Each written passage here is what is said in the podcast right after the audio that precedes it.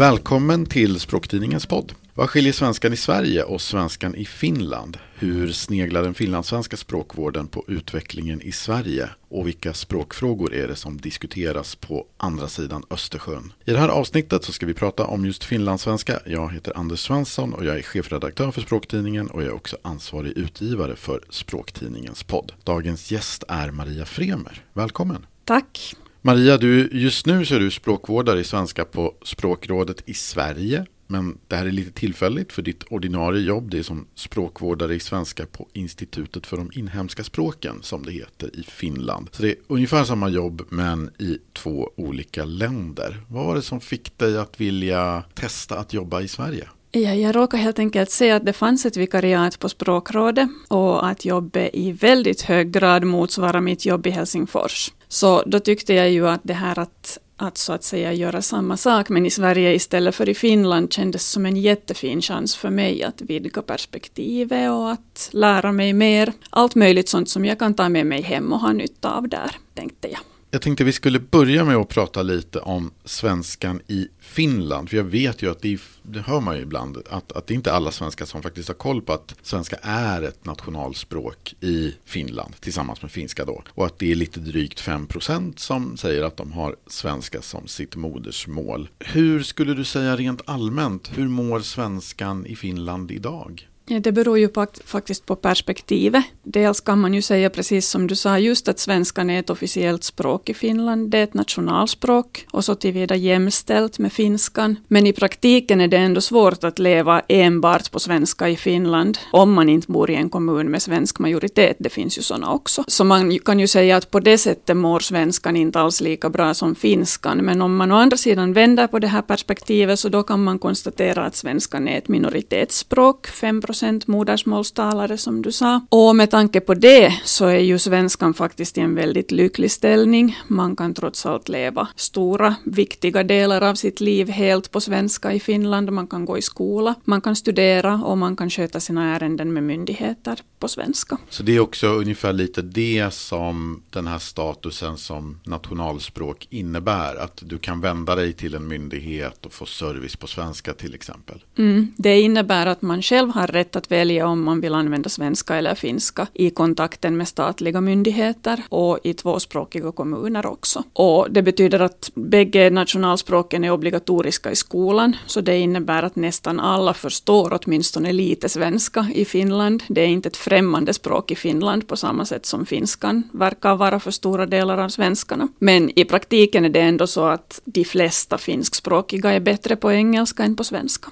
Idag så är det ju ganska självklart att man betraktar finlandssvenska som en svensk dialekt. Det brukar kallas för en östsvensk dialekt. Men för omkring hundra år sedan så var det inte riktigt så. Då diskuterade man, jag vet att det fanns en debatt i Finland där det var vissa som tyckte att man skulle betrakta finlandssvenska som ett helt eget språk medan andra tyckte att det var väldigt viktigt att betona de här banden till Sverige och till det svenska språket som talades i Sverige. Hur såg den debatten ut där för ungefär hundra år sedan? Man kan väl säga att det var, ju, det var ju inte alls självklart att svenskan skulle bli ett officiellt språk och ett nationalspråk i Finland. Att den blev det har sina historiska skäl. Finland är ett land som i hög grad har byggts på svenska och där lagarna ursprungligen var skrivna på svenska. Och finskan började utvecklas som ett förvaltningsspråk språk först på 1800-talet egentligen. Så att genom olika politiska processer blev det sen så att när Finland blev självständigt för lite mer än hundra år sedan så står det faktiskt i grundlagen att både finskan och svenskan är nationalspråk. Och det här med om svenskan i Finland är samma språk som svenskan i Sverige eller inte, så ja, det är samma språk. Den finlandssvenska språkvården arbetar hårt med att finlandssvenskan inte ska utvecklas till ett eget språk språk för att vi behöver och vill ha det stöd som det innebär att vi har, att vi är en del av ett stort språk. Vi kan ta del av de stora resurser som finns för ordboksarbete till exempel. Och vi har självklart tillgång till all litteratur och kultur som produceras på vårt eget språk. Så att det är en sån här väldigt stark linje i den svenska språkvården i Finland att hålla fast vid att det är samma språk. Ibland så har jag läst om att svensktalande i till exempel Helsingfors, att de går ute på gatan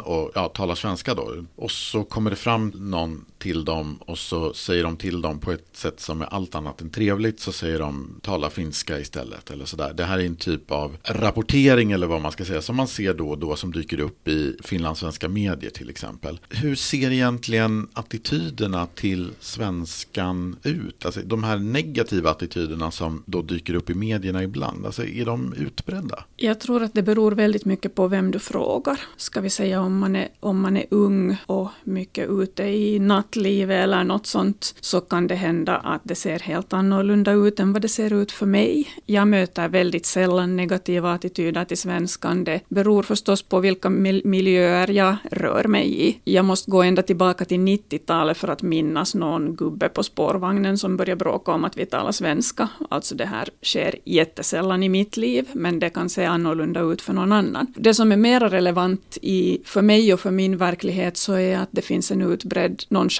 kan man väl säga. Det är ju så att på den privata sektorn har man ingen lagstadgad skyldighet att använda svenska. Och det leder ju till att det snarare kan se ut som om det är finska och engelska som är våra nationalspråk när man går ute på stan. Mm, det här återspeglar förstås den språkliga verklighet vi lever i. Det är bara så här. Det som sen är mer allvarligt är att svenskan kan glömmas bort till exempel vid upphandling av tjänster inom vården när det offentliga upphandlar privata tjänster. Och det här är ju allvarligt för att det är speciellt när man är sjuk och svag som man behöver få hjälp på sitt modersmål. Så det här har jag som språkvårdare och speciellt som myndighetsspråkvårdare tänkt mycket på. Om vi då tar steget tillbaka till eh, vad ska vi säga, den västra sidan Östersjön. Ja, men ibland så stöter man ju också på, tycker jag, här i Sverige. Det är personer, jag tror att det kanske var Mark Levengood som sa någon gång att han kunde få beröm ibland för det var någon som tyckte att han talade så himla bra svenska och som ju bevisligen inte hade koll på att som sagt det är rätt många tusen i Finland som har just svenska som modersmål. Den här föreställningen eller den här typen av reaktioner, är det någonting du känner igen? Lite, men kanske det här igen har någonting att göra med var jag rör mig bland språkvetare och språkvårdare som är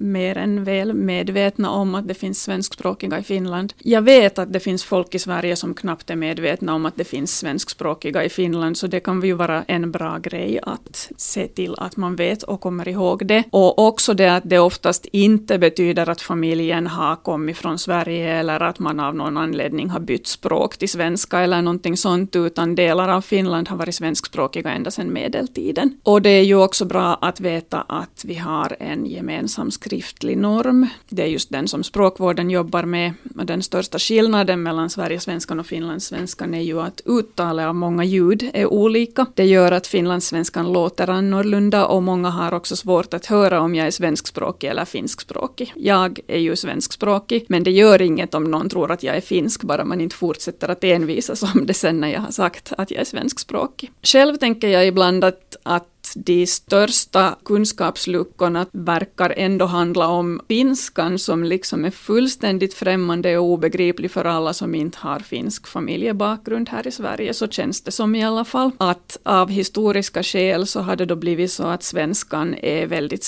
har en stark ställning i Finland och alla har något slags litet hum om svenska, även om det är många som inte vågar tala och använda sin svenska. Uh, genom språklagen har ju finskan fått en viss status också här i Sverige, men jag hoppas att det också småningom leder till ett lite större intresse. Jag tänker ofta att det säkert skulle vara roligt och bra om fler svenskar skulle lära sig lite hälsa och tacka och hur man uttalar på finska så känns det inte så främmande längre. Och framförallt så skulle jag vilja säga att dubbelkolla alla namn när du skriver för att det är jätte jätteofta och väldigt pinsamt felskrivna i svenska medier. Och det kanske finns någon som kan finska i din närhet, så fråga istället för att bara gissa. Det där sitter lite som en eh, tagg i mitt hjärta. Jag skrev en bok för ett tag sedan och just där finns det några pinsamma felstavningar av några finska namn. Så, så att jag slarvade. Men det är väldigt vanligt. Det är verkligen inte bara du som har gjort det. Så att, ja. Är det någon skillnad mellan att jobba som språkvårdare i Finland då att jobba som språkvårdare i Sverige? Alltså det finns många saker som jag ser mycket tydligare nu när jag har varit här så här länge till exempel det att vi som jobbar med språkvård på svenska i Finland ofta får lov att vara mångsysslare. Här i Sverige svarar språkvårdarna inte på översättningsfrågor till exempel. Och i Finland gör vi ju det hela tiden av naturliga skäl. Det är väldigt stora delar av vår verklighet som är översatt från finska till svenska. Och alltså jag kan lugnt säga att översättarna är mina viktigaste kunder när jag jobbar i Finland. Och i Sverige är det helt annorlunda på den punkten. Och sen är det ju också så att på språkrådet har vi möjlighet att styra knepigare termfrågor till våra terminologer. Men vid Språkinstitutet i Finland finns inga sådana tjänster. Så vi gör så gott vi kan och ibland konsulterar vi våra kollegor här i Sverige. Ibland så beskrivs det ju, åtminstone här i Sverige, som att eh, Sverigesvenskan, eller alltså då den svenska som talas just i Sverige, kanske förändras lite snabbare än svenskan i Finland. Och att finlandssvenskan i vissa sammanhang kanske är lite mer konservativ. Är det en korrekt uppfattning? Möjligen är den det och jag tror ju att det helt enkelt är för att finlandssvenskan befinner sig lite i periferin. Att det är ju så det väldigt naturligt är att förändringen kommer från centrum av språkområdet. Och så skulle jag säga att, att en viktig faktor här är väl den att finskan är lite mer konservativ än svenskan. Förr var den finska språkvården rent av puristisk kan man säga och det är den inte längre. Men det är i alla fall så att i den mån man tar in till exempel engelska lånord i finskan så anpassar man dem alltid till finskans stavning, böjning och uttal. Medan svenskan och speciellt Sverigesvenskan då är mycket mer tillåtande i det här avseendet och det gör att finlandssvenska språkvårdare ofta får balansera mellan den här principen att hålla sig nära den Sverigesvenska normen och sen att det finns en ganska stark beställning på svenska ord som är bättre anpassade till svenskan än vad många engelska lånord är idag. På grund av att vi har det här exemplet från finskan tätt intill oss hela tiden. Då kan det vara så att om någon efterfrågar, ja, som du var inne på här tidigare, om någon efterfrågar en översättning av mm. ett finskt begrepp till svenska, då vill man kanske inte ha en, ett engelskt lån utan då vill man kanske ha en tydligare anpassning till svenskan eller vad kan det ja, vara för någonting? Ja, att det uppstår en känsla av att det helt enkelt inte finns något svenskt ord när det man har att servera egentligen ser ut som ett engelskt ord. Vi hade precis en liten disku, diskussion om ordet cheesecake här. Ah. För att i Finland så säger vi glatt ostkaka. Vi tycker det funkar fint och vi vet att ostkaka också är något annat men vi tycker väl att ostkaka kan vara flera olika sorters rätter. Och i Sverige tycker man då att den här mer amerikanska varianten ska heta cheesecake för att göra den här skillnaden. Och så var det en diskussion om hur cheesecake ska böjas i pluralis och pluralis bestämd form. Att vad blir det för cheesecakesarna eller någonting? Och att det här är ju svårt och då undrar ju jag som finlandssvensk spontant att om det måste heta någonting med cheese istället för ost så varför kan det inte heta cheesekaka i så fall? Varvid mm. det är lättare att böja det. Jag vet ju att ni säger cheesecake. Men det, det är lite roligt med sådana här skillnader för att om man bildgooglar ostkaka och liksom berättar för Google att det ska vara finska träffar i Finland så då får man ju bilder av de här som heter cheesecake i Sverige. Ah. Så sådana skillnader finns. Ja, för här är det väl säkerligen så att ostkaka här är väl någonting man förknippar med det här bakade som kommer från Småland sägs ja, det väl härstamma ja, från. Ja, och det är väl därför ja. Vad intressant. Och när vi ändå är inne på det spåret, hur ser den finlandssvenska språkvården då i allmänhet på språkvården i Sverige? Har man känslan av att ja, men här är man kanske inte riktigt lika, inte riktigt lika stramt eller kanske inte riktigt lika ja, puristiskt är kanske till att ta i lite, men är man lite mer tillåtande mot till exempel engelska lån? Ja, det är man och det kan kännas lite frustrerande ibland, men samtidigt så är vi ju alltså som jag redan sa väldigt medvetna om, eller att vi har den här liksom linjen att finlandssvenskan inte ska utvecklas till ett eget språk och att vi behöver det här stödet och så vidare, så att vi arbetar ju väldigt medvetet med det och lyssnar alltid väldigt noga på vad språkvården i Sverige säger. Så att just precis språkvårdarna är väl kanske inte de som är mest irriterade på engelska lån, utan det kan sen vara andra språkanvändare som undrar att vad är det här för någonting? Att kan man inte ha svenska ord?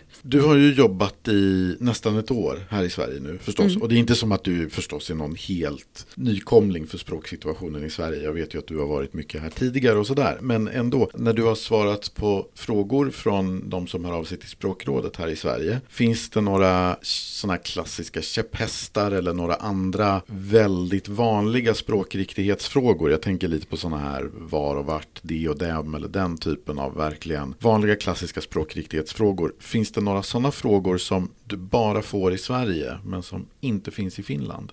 Det är väl just precis de här du nämnde. Osäkerheten på det och dem och var och vart är inte lika stor i Finland som i Sverige. Och då är det väl fortfarande också så, jag tänker när man pratar om det och dem i Sverige så pratar man ju ganska mycket om att det här kanske har blivit knepigt att hålla reda på för att vi har inte det här stödet i talet längre. Att de allra flesta säger dem. I både när det är det och dem så säger man dem för det mesta. Men visst är det så att i finlandssvenskan så är det väl lite vanligare att man upprätthåller den här distinktionen mellan de eller möjligen di och dem. Det är lite vanligare. Jag tror att de flesta har något slags distinktion. Du kanske hörde att jag sa di nyss alldeles spontant. Jag själv vacklar. Jag, jag tror att i subjektsposition så växlar jag mellan di och dom. Jag kanske säger dom när jag betonar det, men annars di. Och i objektsform så tror jag att jag växlar mellan dem och dem. Men jag har i alla fall den här liksom känslan för det. Vilken, alltså jag tvekar aldrig när jag skriver och det beror väl på att jag egentligen har det här i systemet fortfarande.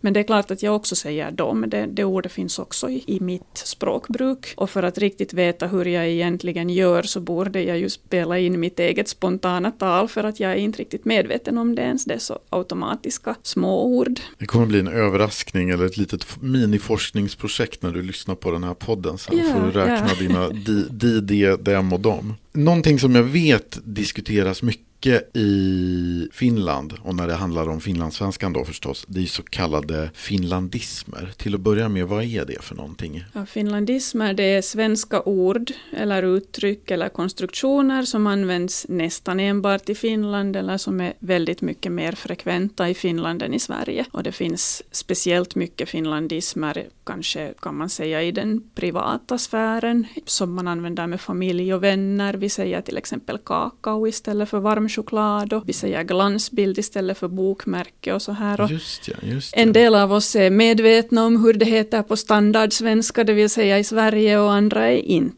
det. Och det är ju precis som med andra lokala varieteter, att, att folks liksom medvetenhet om vad som är dialekt och vad som är standard varierar. Men det finns också officiella finlandismer, och då är det ord som står för någonting sånt som inte alls finns i Sverige, eller där man av någon annan anledning har valt en annan term, till exempel i lagstiftningen. Vad kan det vara för någonting? No, det kan vara sånt som att i, i Finland har vi ministerier, i Sverige departement och Sverige har ett huvudspråk och i Finland har vi två nationalspråk och så här. Och jag vet ju också att de här finlandismerna, de kan väcka ganska mycket känslor. Vad är det som de här orden kan utlösa för någonting? Alltså det är ju så här att språk kopplar väldigt mycket till ens identitet och det kan vara väldigt känslomässigt och det känns ju inte bra att någon kommer och säger att något ord du brukar använda är på något sätt fel eller att ditt språk är fel och det kanske känns speciellt illa när man tycker sig ha anledning att, att, liksom, att anse att det ord som jag använder är bättre än det ord som du använder. Ska vi ta det här exemplet glansbild och bokmärke till exempel så kan jag ju tycka att glansbild egentligen är ett bättre ord för det som vi, som vi snackar om. Om man säger bokmärke om, i, i Finland så då tänker vi på ett sånt där som man använder för att hålla reda på hur långt man har kommit i en bok. Det är ett bokmärke. Heter det så i Sverige också? Det heter Är det? bokmärke. Det Ja, heter jag skulle, också bokmärke, jag skulle ja. säga att vi har två olika typer av bokmärken Just det, här. som vi har två olika typer av ostkakor då. Precis så. Ja.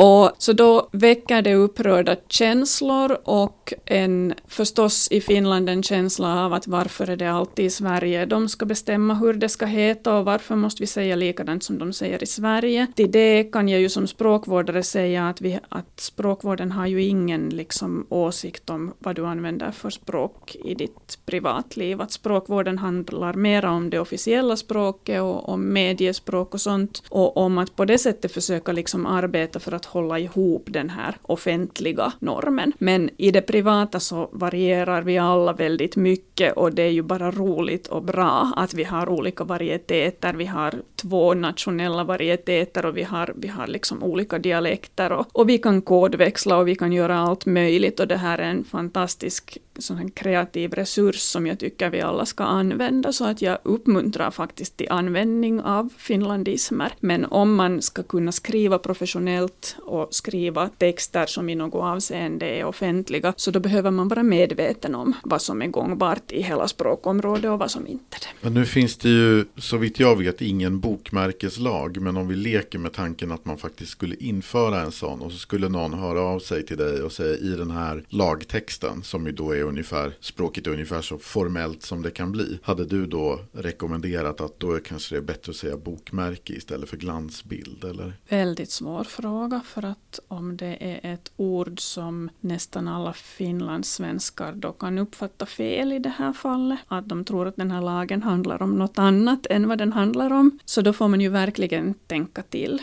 att ska vi välja ett ord som inte är gångbart i Sverige eller ska vi välja samma ord som i Sverige med risken för att det inte riktigt får genomslag för att folk inte fattar vad det handlar om. Jag tänkte vi skulle ta upp eh, några andra sådana här skillnader mellan Sverige och Finland också. Jag brukar roa mig med att kika på användning av pronomenet hen i både ja, svenska medier och i finlandssvenska medier och se hur det används och framförallt då hur ofta det förekommer. Och då har jag ju sett att eh, hen, ja, det är rätt mycket vanligare i tidningar som ges ut i Finland jämfört med tidningar som ges ut i Sverige. Och det är ju förstås så att finskan, där har man ju redan ett könsneutralt pronomen, hen stavat H-Ä-N. Att eh, hen, det svenska pronomenet, är lite vanligare då i finlandssvenska texter än i Sverigesvenska texter. Kan det bero på att man, det kanske känns lite närmare när man är van att det finns ett könsneutralt pronomen i finskan? Jag tror att det kan finnas ett sådant samband. Alltså, jag, jag visste inte att hen används mer i finlandssvenska tidningar än i Sverigesvenska. Det är ju intressant, så tack för den upplysningen. Och jag kan väl säga att möjligen har debatten varit mindre hetsk i Finland än vad den har varit i Sverige. Det är lite svårt att säga, eller så har den bara varit mindre för att vi är så få. Men jag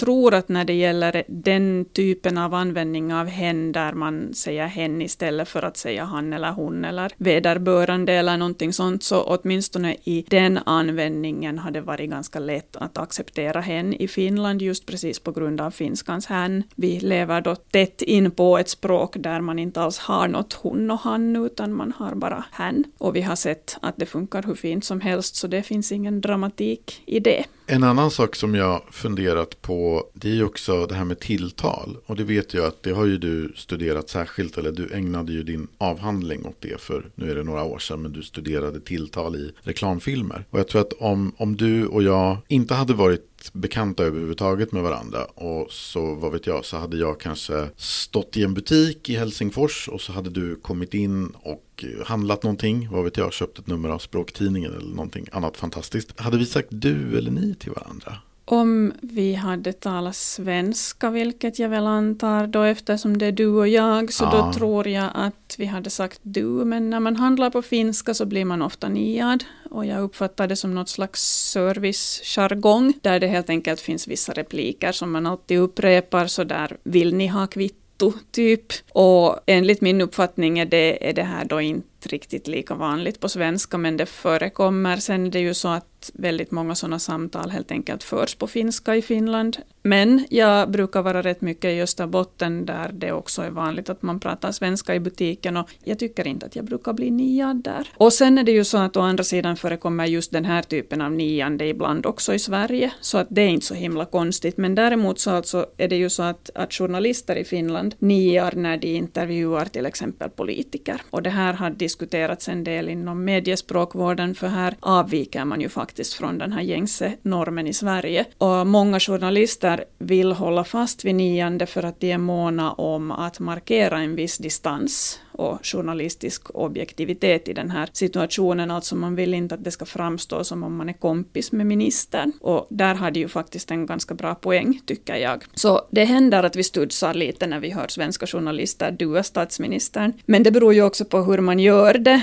Att dua innebär absolut inte automatiskt att man på något sätt är respektlös och vice versa. Alltså att man niar innebär inte automatiskt att man är hövlig. Så att det, det är ju så mycket annat som spelar in i det här också. Jag vet ju att här i Sverige så är det ganska vanligt att personer som blir niade, för det som du säger, det händer ju ibland. Jag blir också niad då och då i butiker och ja, men just sådana olika typer av servicesammanhang. Så, och, och då vet ju jag att den som säger det här det är ju alltid en yngre person och jag vet ju förstås att syftet är att vara artig. Men jag vet ju också att det finns ganska många som tycker att det här niandet är väldigt negativt och man tycker att det är nedlåtande. Skulle du säga att i ett ni i en svenskspråkig miljö i Finland, är det, har det samma negativa konnotationer som det kan ha för vissa här i Sverige? Jag tror att det inte riktigt har det, men samtidigt så har det kanske just den här funktionen att det är lite signalerar lite distans. Det är inte ohövligt, men det ska vi säga att man får inte lust att småprata med en person som niar en. Det har jag själv märkt när jag går i butiken. Om jag blir niad så då går det liksom snabbare för att det uppmuntrar inte till att säga någonting om vädret eller något sånt. Då säger jag tack så mycket Maria Fremer. Tack. Och tack till dig som lyssnat. Språktidningens podd är tillbaka med ett nytt avsnitt om ungefär en månad. Du får gärna prenumerera på oss i din poddtjänst och följa oss i sociala medier. Där tipsar vi om nya avsnitt. Du hittar Språktidningen på Facebook, Instagram, Twitter och LinkedIn in. Om du är nyfiken på Språktidningen och vill teckna en prenumeration så kan du gå in på språktidningen.se. Där kan du pröva två nummer för 99 kronor. Du kan också testa en digital prenumeration. Du får tre månader för bara 39 kronor. Tack så mycket och på återhörande.